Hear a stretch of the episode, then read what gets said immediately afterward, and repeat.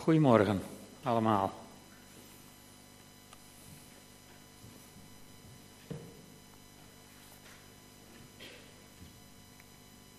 We zijn uh, toegekomen aan de laatste preek uit deze zomerserie, gebaseerd op de reis van het volk Israël door de woestijn. Die reis is gegaan door de Rode Zee en langs het bittere water van Mara langs het zoete water van Elim. We hebben twee keer gedronken uit de rots en we hebben de aanval van Amalek overleefd. En nu staat Israël binnenkort voor de volgende wegversperring, de Jordaan. Uitgerekend in de lente, wanneer de Jordaan buiten haar oevers is getreden, staat er heel plastisch bij beschreven in de Bijbel. Juist op het moment dat je er niet doorheen kunt, moeten ze er doorheen. En bovendien zal de catering binnen afzienbare tijd worden beëindigd. Ze gaan namelijk het beloofde land binnen. Het is overigens een land wat ze van God krijgen, maar zelf moeten veroveren. En ze moeten daar ook nog in hun eigen voedselvoorziening gaan voorzien. Kortom, er ligt een grote uitdaging in het verschiet. En naarmate de uitdagingen groter worden, nemen de verleidingen toe. Vandaar dit laatste thema. En de eerste verleiding waar ik met jullie even bij stil wil staan, is het terug willen naar Egypte. Als God je op nieuwe wegen leidt en het wordt moeilijk, is er altijd de verleiding om terug te vallen op beproefde methodes uit het verleden. Die voldeden niet en daarom zocht je nieuwe wegen, maar toch, je weet het maar nooit. Misschien waren ze nog niet zo slecht. Dus kortom, laten we teruggaan naar Egypte. Dat wilden de Israëlieten 40 jaar geleden al. Toen de reuzen groter waren dan ze hadden verwacht, kwamen de verspieders terug met een heel negatief bericht. En dan staat er in nummer 14, hierop barstte het hele volk in tranen uit. Heel de nacht door klonk hun gejammer. Punt 1, gejammer is meestal niet geloofsopbouwend. Daar moet je zo snel mogelijk weer uit proberen te komen uit die modus. Ze begonnen zich allemaal te beklagen. Dat is ook een hele slechte modus, ook niet geloofsopbouwend. Dat maakt je hooguit bitter of zuur of onaangenaam voor andere mensen in ieder geval. En wat zeggen ze dan? Waren we maar in Egypte gestorven, zeiden ze tegen Mozes Aaron, of hier in de woestijn. Waarom brengt de Heer ons naar dit land? Om door het zwaard geveld te worden en om onze vrouwen en kinderen te laten buitmaken? Wat een geloof, hè? Wat een geloof. Je bent door de Rode Zee getrokken, het bittere water is voor je drinkbaar gemaakt, de Amalekieten zijn voor je verslagen, er is water voor je uit de rots gekomen, er was elke ochtend manna, prachtig, het barst van de wonderen en geen geloof. Wat een vertrouwen in God. En dan zeggen ze, we kunnen beter teruggaan naar Egypte. En, ze zei, en tegen elkaar zeiden ze, laten we een leider kiezen en terugkeren naar Egypte. En dit was niet de laatste keer dat ze dat deden. Want als dit volk in ballingschap gaat, is er ook een heel stel in de tijd van, van, Jeremia en Ezekiel. Die willen ook terug naar Egypte. Die gaan ook naar Egypte en gaan daar ten onder. En wat is dan het probleem met het terugkeren naar Egypte? Wel, het is verboden. In Deuteronomium 17 er staan een aantal versen en, en, één versje gaat over dat verbod, maar ik pak hem even helemaal, ik zal u direct vertellen waarom. In Deuteronomium 17, vers 14, daar zegt God, wanneer u in het land gekomen bent dat de Heer uw God u zal geven en u het in bezit hebt genomen en er woont, zegt u misschien laten we een koning aanstellen. Net zoals de volken om ons heen. Daar hebben we afgelopen jaar weer stilgestaan toen we het hadden over het volgen van de koning. Dat is geoorloofd, zegt God. U mag uit uw midden iemand die door de Heer uw God zal worden uitgekozen. Dus het waren geen openbare verkiezingen zoals nu in Turkije weer voor de deur staan of in Griekenland. Maar door God zal worden uitgekozen als koning aanstellen. Maar het mag niet iemand zijn uit een ander land of van een ander volk.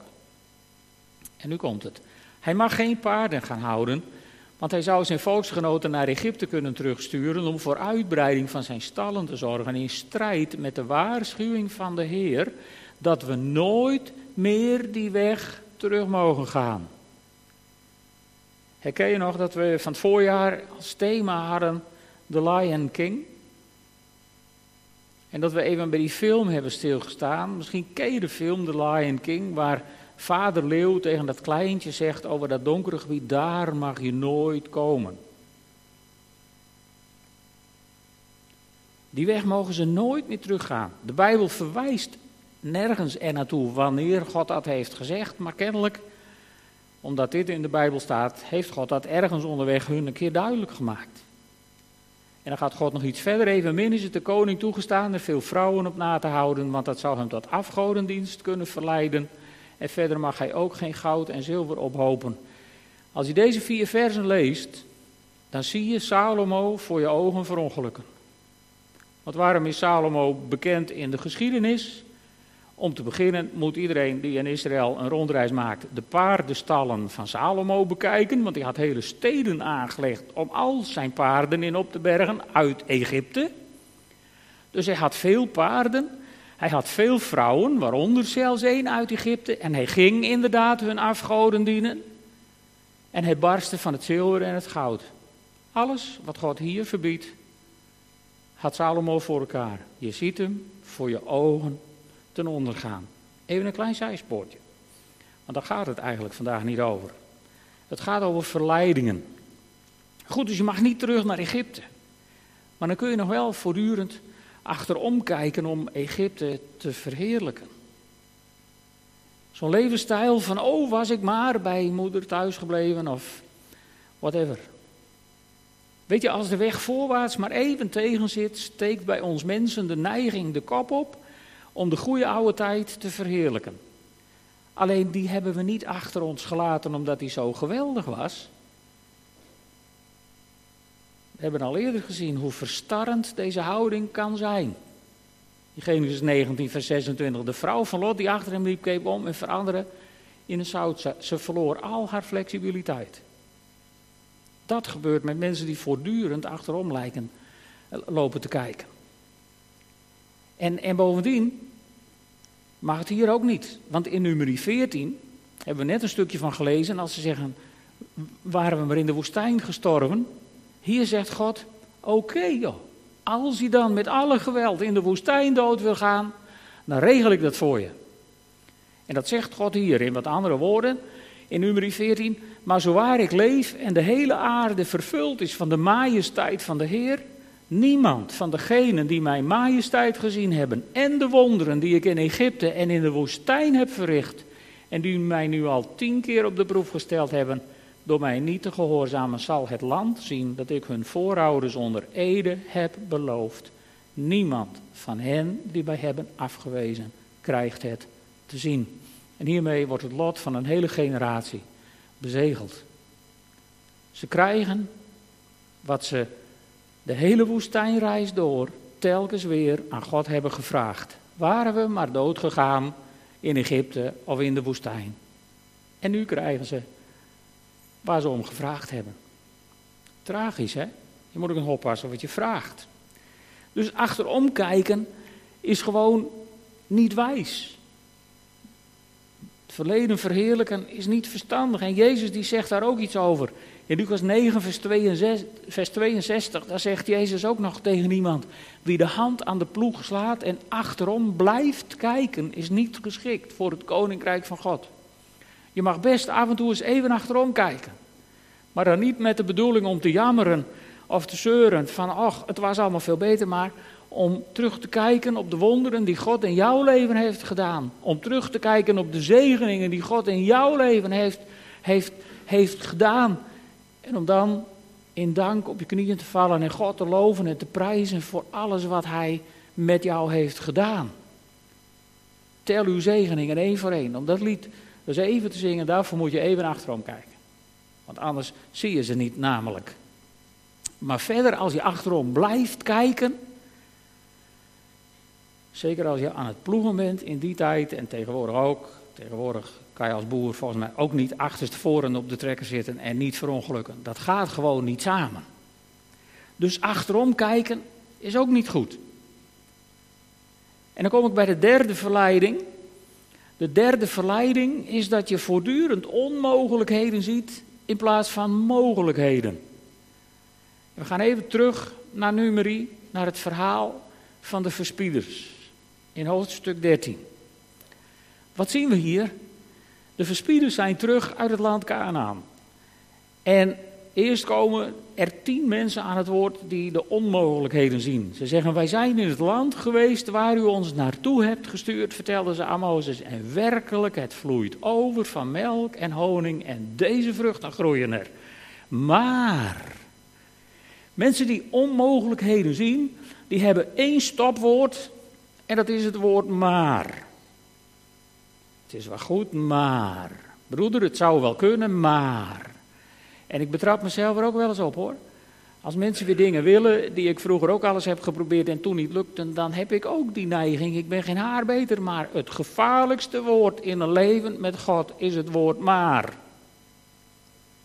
En dat is hier ook zo. Maar, daar staat tegenover dat de bevolking van het land sterk is. De steden zijn versterkt en heel groot. En ook hebben we er Enakieten gezien. In de Negev wonen Amalekieten, in het bergland Hethieten, Jebusieten, Ammonieten. En aan de kust en langs de Jordaan wonen Kanaanieten. Het zijn allemaal Ieten en Nieten, waardoor je niet het beloofde land binnen moet gaan. Maar Caleb die ziet erbij hangen, een van de andere verspieders. Een man die de mogelijkheden ziet. Caleb die zegt, die wilde voorkomen dat het volk zich tegen Mozes zou verzetten. En hij zegt, we kunnen zonder problemen optrekken en het land in bezit nemen. We kunnen dat volk makkelijk aan. Kijk, het was ook iemand met geloof. Caleb. En, en, en dan komen die andere tien weer aan het woord. En nu komt de aap uit de mouw. Ze gaan uit van vooronderstellingen. Ze doen aan het scenario denken, wat ik in deze serie heb geïntroduceerd. Wat doen ze namelijk? De mannen die met hem mee waren geweest zeiden: We kunnen dat volk niet aanvallen. Het is te sterk voor ons. Dat hadden ze niet uitgeprobeerd. Dat dachten ze maar. En dan vertellen ze de Israëlieten allerlei ongunstigs over het land dat ze verkend hadden. Het is een land dat wij op onze verkenningstocht doorkruist hebben, zeiden ze verslindt zijn inwoners. En alle mensen die we er gezien hebben waren uitzonderlijk lang. Ze waren met z'n twaalfen gegaan. Ze waren met z'n twaalfen teruggekomen. Er was niemand verslonden. Dus ook dit verhaal klopte niet. En nou komt het waar het het duidelijkste wordt. We hebben daar zelfs reuzen gezien. De Enakieten. Vergeleken bij het volk van reuzen voelden wij ons maar nietige springhanen. Dat heeft met je zelfbeeld te maken. En met je geloof. Hè. Je zelfbeeld en je geloof, die zijn volgens mij dichter aan elkaar gekoppeld dan de meeste psychologen denken. Dus zo voelden we ons en dan moet je opletten. En veel meer zullen wij hun in hun ogen ook niet geweest zijn. Hadden ze een enquête gehouden onder de Canaanieten? Van hoe denken jullie over ons? Volgens mij niet. Het staat ook niet in de Bijbel. Ze hadden het niet gevraagd. Maar, let even goed op, ze dachten dat zij dachten, dit moet heel veel mensen hier heel bekend voorkomen. Je moet ergens heen en je durft eigenlijk niet, want je denkt dat zij denken. Of je zit in een conflict. De meeste conflicten ontstaan volgens mij hierdoor. Je denkt dat die ander denkt en daarom reageer je al vanuit de verdediging of vanuit een verkeerde. Je denkt dat hij denkt. Je moet ophouden te denken wat andere mensen denken. Je moet gaan staan in je geloof en doen wat God je heeft duidelijk gemaakt. Dat is het concept voor een christenleven. Niet blijven hangen in wat je denkt dat anderen denken. Dan zie je alleen maar onmogelijkheden. En, en, en deze mensen, tenminste de volgende generatie, met Jozua en Caleb erbij, die zullen namelijk 40 jaar later zullen ze ontdekken dat hun idee niet klopte. Deze tekst hebben we ook al eerder gezien. Als, als de twee verspieders voordat ze het beloofde land ingaan bij Ragab zijn, dan staat er dit in Jozua 2. Ragab ging naar het dak voordat de mannen in slaap zouden zijn. Ik weet, zei ze tegen hen, dat de Heer dit land aan jullie heeft gegeven. Wij zijn door angst overmand. Dus dat idee van nou, zij zullen ons ook wel zien als springhanen dan waren ze in ieder geval doodsbenauwd voor die sprinkhanen. Want ze waren door angst overmand. Alle inwoners van dit land zijn doodsbang voor jullie, want we hebben gehoord dat de Heer de Rietzee voor jullie heeft drooggelegd toen jullie uit Egypte wegtrokken.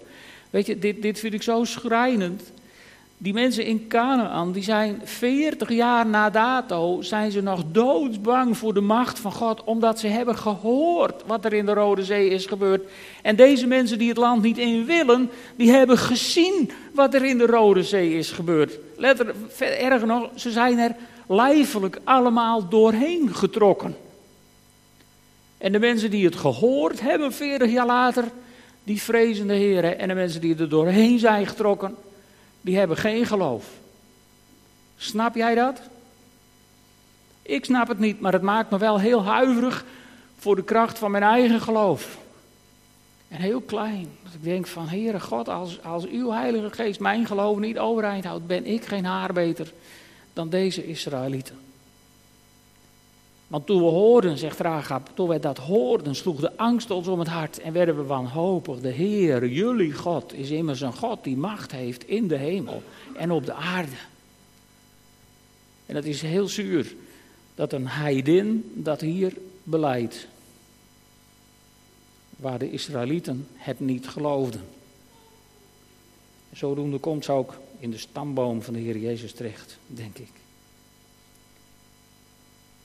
Oké. Dus onmogelijkheden zien in plaats van mogelijkheden. Dan kom ik bij de laatste verleiding en dat is volgens mij de ergste. De meest gevaarlijke. En dat is deze: tevreden zijn met minder dan wat God voor je heeft. Let op. In nummer 32. Dus we hebben de 40 jaren in de woestijn gehad. We staan voor de Jordaan. En dan komen de Rubenieten en de Gadieten, die bezaten bijzonder veel vee. is overigens al wonderlijk, hè? na 40 jaar woestijnreis veel vee hebben, dan heeft God je buitensporen gezegend. En, en goed, dat hebben ze dan.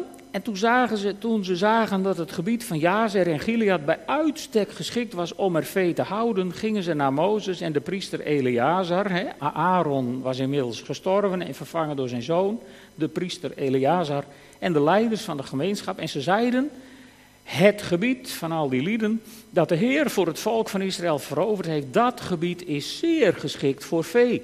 En wij hebben veel vee.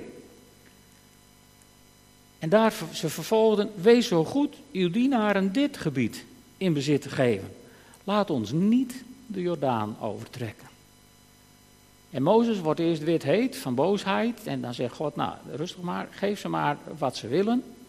Maar in de geschiedenis later zijn die over-Jordaanse gebieden de eerste gebieden die Israël kwijtraakt als het tegen begint te zitten. Je moet niet in het gebied over de Jordaan willen zijn. Want de mentaliteit van deze mannen was: ach, het gras is hier ook groen. Dus waarom zouden we verder?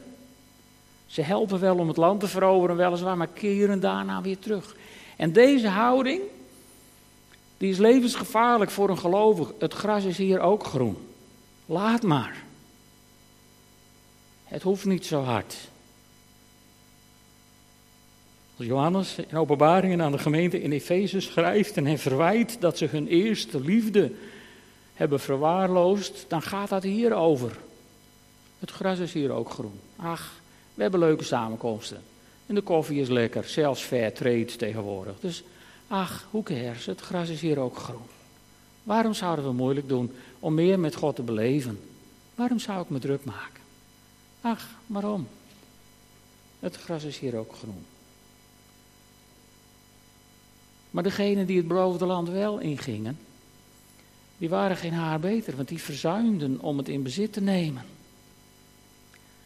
Dat staat in het volgende stukje in Jozua 18. De hele volksvergadering van Israël kwam bijeen in Silo, dat was de plek waar toen de tabernakel stond. En daar werd ook de ontmoedigste, zie je wel, opgezet. Het land was al veroverd, maar er waren zeven stammen overgebleven die hun grondgebied nog niet hadden verdeeld. En Jozua zei tegen de Israëlieten, hoe lang moet die besluiteloosheid nog duren? Wanneer neemt u eindelijk het land in bezit dat de Heere, de God van uw voorouders, u geschonken heeft? En de lui die dan het land wel in bezit nemen, die rekenen niet af met de Canaanieten. Hun opdracht was, en vorige week hebben we gezien dat je moet afrekenen met de Amalekieten. De Israëlieten moesten ook afrekenen met de Canaanieten. Die mochten met hun zondige praktijken niet in hun midden blijven als verontreiniging van, van, van het volk van God. En dan lezen we in Richteren 1, vers 28, toen de Israëlieten sterker werden, legden ze de Canaanieten herendiensten op, maar verdreven ze niet. Want ach, je kon ze ook gebruiken voor het werk. Dan hoefde je zelf een hele hoop akelige klusjes niet te doen. Toch? Waarom zou je iets, iets wegdoen terwijl je er voordeel van hebt? Ja, het volgen van God moest ook eens wat kosten. Dus die doen het ook niet. En dat zijn alle drie groepen die tevreden zijn met minder dan wat God voor hen heeft. En dit kon alleen maar tot teleurstelling leiden, geloof me. En dan zouden ze God de schuld geven. Wat dat betreft was die woestijnreis nog niet zo gek. Hij was nodeloos 40 jaar te lang, maar dat lag niet aan God. Kijk eens even mee. De doortocht door de Rode Zee was mega indrukwekkend. Door muren van water door de zee trekken. Zonder zelfs maar slik aan je voeten te krijgen. Dat was nog wat anders dan wat lopen. En het ontbitteren van het water van Mara was heel bemoedigend. En de rust van Elim, ach, die was weldadig om even bij te komen onder de palmbomen met je voetjes in het water.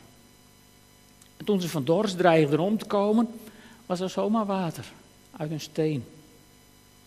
En daarbij aten ze vlees dat zomaar uit de lucht kwam vallen.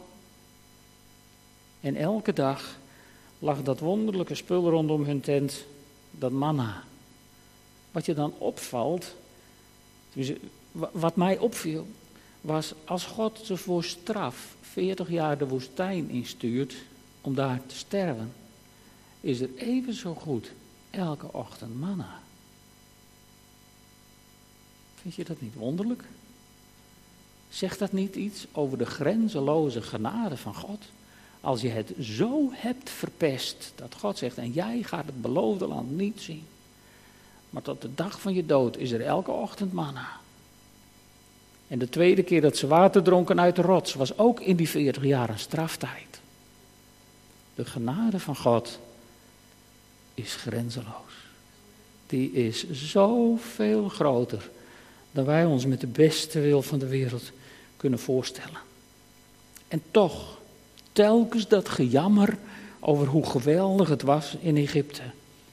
En nu, na de wonderen van de Jordaan, na de val van Jericho, nadat de zon had stilgestaan op bevel van Jozua, en noem maar op, was er niet die radicale toewijding om te doen wat God had gezegd.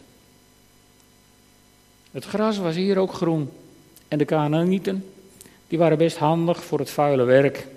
En ach, wat een gedoe om dat land in bezit te nemen. Dan moest je weer verhuizen en weer huizen bouwen. Ach, hoe is het eigenlijk met ons? Hoe staat het eigenlijk in jouw leven? Wil jij wel eens terug naar Egypte? Wat ik je zou willen vragen, hebben wij bereikt wat we hadden verwacht toen we onze reis met God begonnen? Of God zijn reis met ons begon, moet ik eigenlijk zeggen. Herinner je nog dat moment waarop je besloot om je leven in de handen van Jezus te leggen en met Hem verder te gaan in het leven? Herinner je je dat moment nog? Weet je nog wat voor dromen je toen had? Heb je überhaupt het lef in je lijf om daar nu eens een keer naar te kijken? En je af te vragen van is het geworden wat ik gedacht had? En durf je dan nu te zeggen, ach het gras is hier ook groen, laat maar zitten.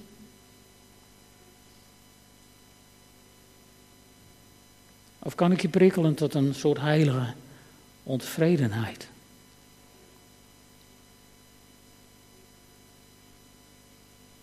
Want die houding van het gras is hier ook groen.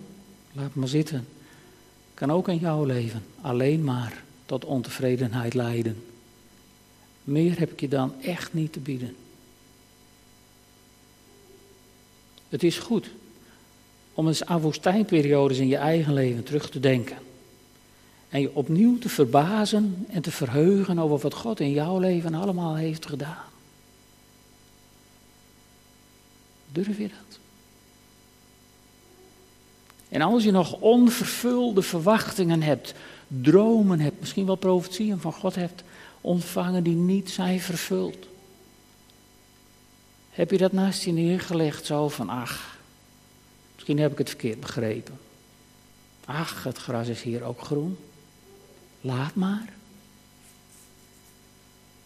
Of heb je het lef om dat nog één keer opnieuw voor de troon van God neer te leggen?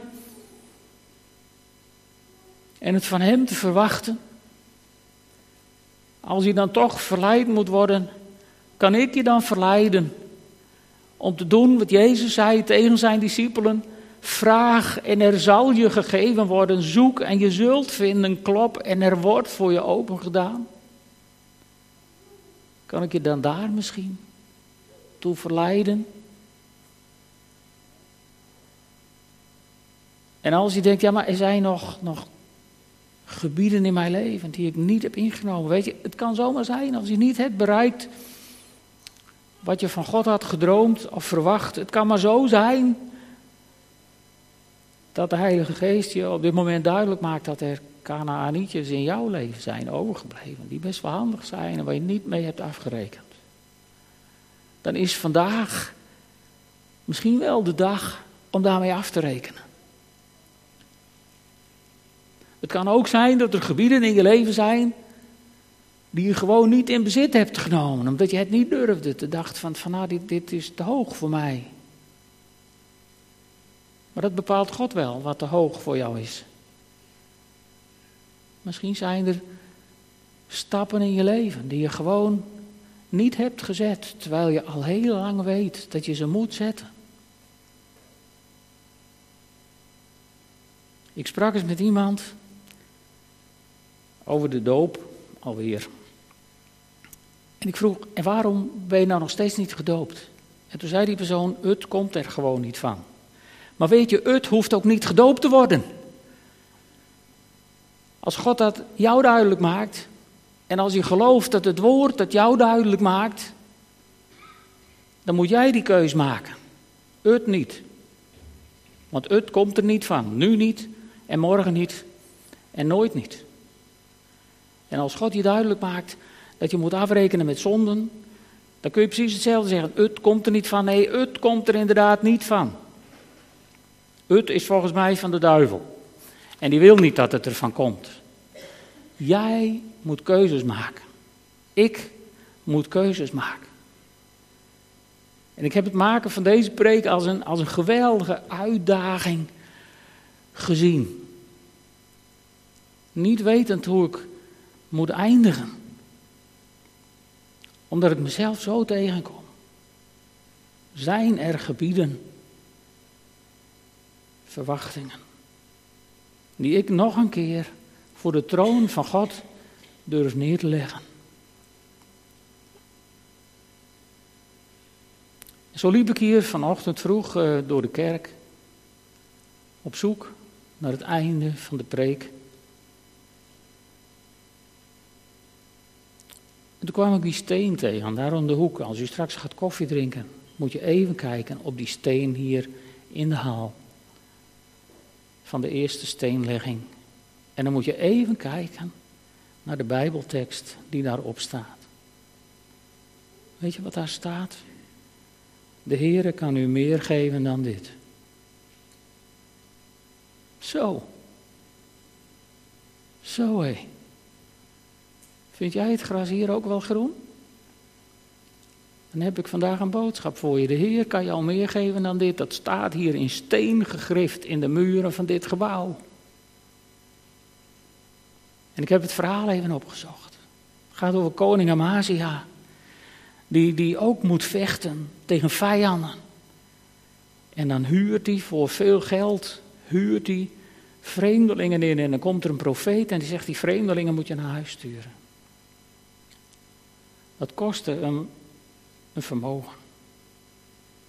En dan zegt die profeet, doe nou maar wat de Heer zegt. Want in de nieuwe Bijbelvertaling staat, hij zal je ruimschoots vergoeden. In de oudere vertaling staat, joh, als het je wat kost, de Heer kan je meer geven dan dit. Durf je te investeren in het koninkrijk van God. Misschien kunnen we een tijdje gewoon stil worden met elkaar.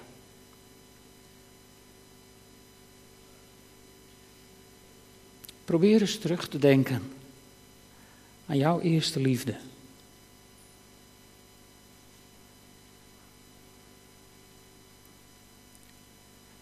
En probeer nou in alle oprechtheid eens terug te zoeken wat je toen van die stappen met God had verwacht.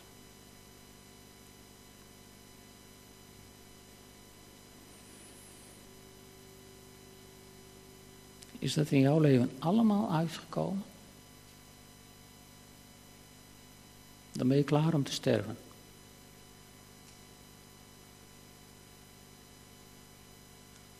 Of zit je ook met onvervulde profetieën, niet vervulde verwachtingen? Net als ik.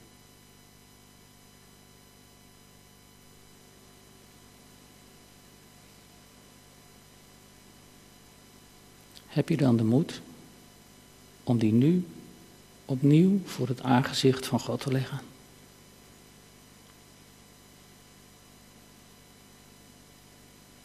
Vader God, u ziet elk hart deze ochtend.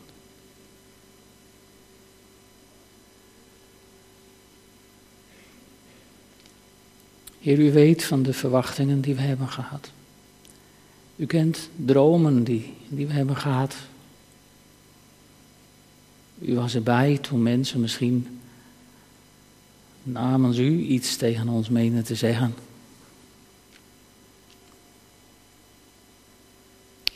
Vader God, u kent onze teleurstellingen.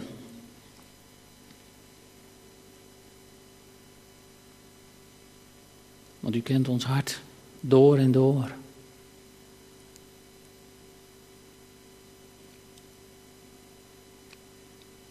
En Heer, u weet ook de stappen die we zelf nog moeten zetten.